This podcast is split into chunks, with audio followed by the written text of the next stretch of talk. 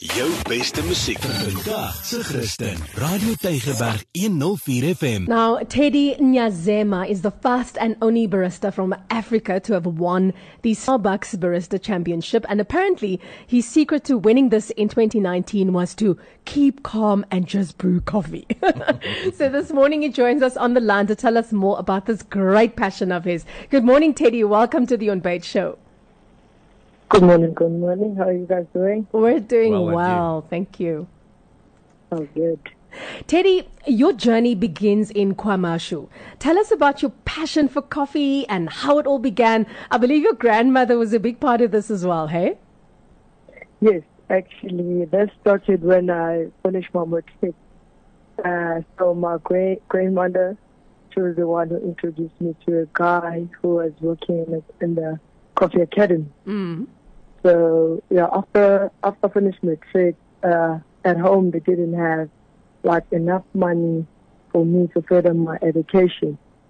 So that's where I joined uh, the coffee industry, and then I did the leadership uh, with uh, Coffee Academy. Mhm.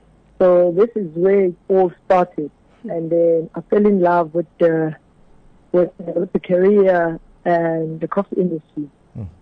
Well, I think that's an industry you'll always have work in. I mean, really, Always. coffee is like, wow, can't stay my, start my day without coffee. Exactly. Everyone loves coffee. Yeah. Okay, but Teddy, Yeah. who would you say really, really inspires you?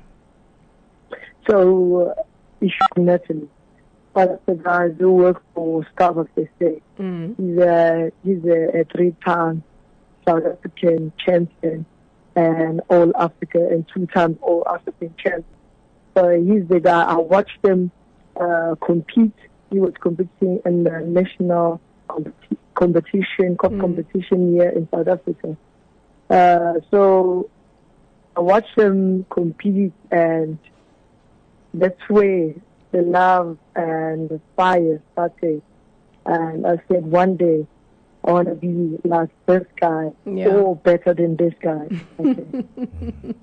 And I'm sure Ishan is uh, is obviously very honored um, that uh, this is where you see him in your life, which I think is absolutely amazing. So, Teddy, what made you decide to just branch out and decide to go ahead and try out this really prestigious competition? I mean, you know, it's one thing, you know, doing it, you know, behind the scenes, you're just there, but when you enter a competition, I mean, the stakes are high, everything is so intense, there's a lot of pressure. So, what, what made you decide to do that?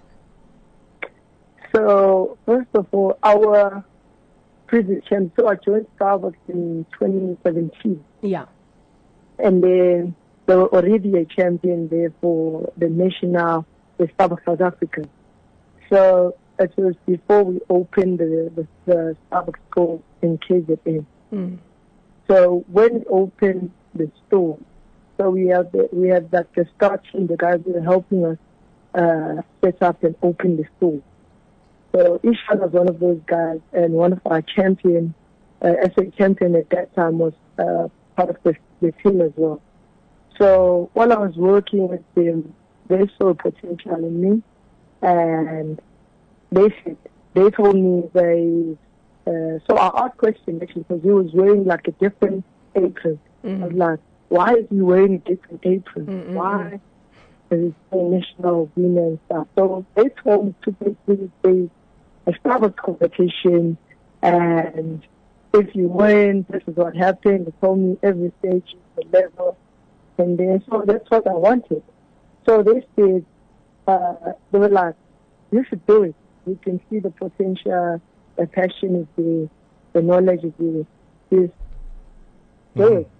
So I, I took that award and then I competed in 2018 hmm and everything was smooth. Was smooth. I won the store level, I won the regional, Hey. and then the the national. I came Oh. second. I didn't win the national 2018. I came second with half a Uh, uh, uh. The guy who won, he beat me with half a point. Mm. And so, and then after that, I wanted to to try it again. So the following year, Mm. I went back. I fixed my mistake. I studied hard, came back hard. So I was unstoppable after that. Oh wow, unstoppable. I love Yeah, that. I was yeah. unstoppable after that. Amazing, Great. amazing. Awesome. So, Teddy, I put- yeah. Cause, yeah, sorry. No, no, carry on. Okay, so and then I pushed myself, so uh, uh, pushed myself harder, and then I did my sword and the national, the original, and then the national, and then here comes the hard part now, the preparation for the international level. Sure, mm-hmm. it's like the worst of my life. Sure. Yeah, you know the preparation. It was the hardest part. Yeah, I think absolutely. at that time when I was doing my preparation, that's where I, at some point I felt like I don't know nothing about the industry or the mm. country. Because, because it's so overwhelming as well. Yeah. Yeah. Yeah, yeah, yeah. So a month before, I was like pushing myself and Ishan and Travis Scott, our district manager for KZN, and my store manager, Slenderman Rice, were pushing me and drove me to a corner to make sure that I'm ready for, for the world, Yeah. you know. Well, and Teddy, then after that, uh, I was like on unstoppable. another level. yeah. Teddy, we're, we're running we're running out of time, but thank you very very Yes, much yes. for being a part of the uh, the show this morning. It's really awesome, and we wish you all the best in the years to come. Uh, I must tell you that you know coffee is it's really biblical because there's a book in the Bible called Hebrews. yes, yes.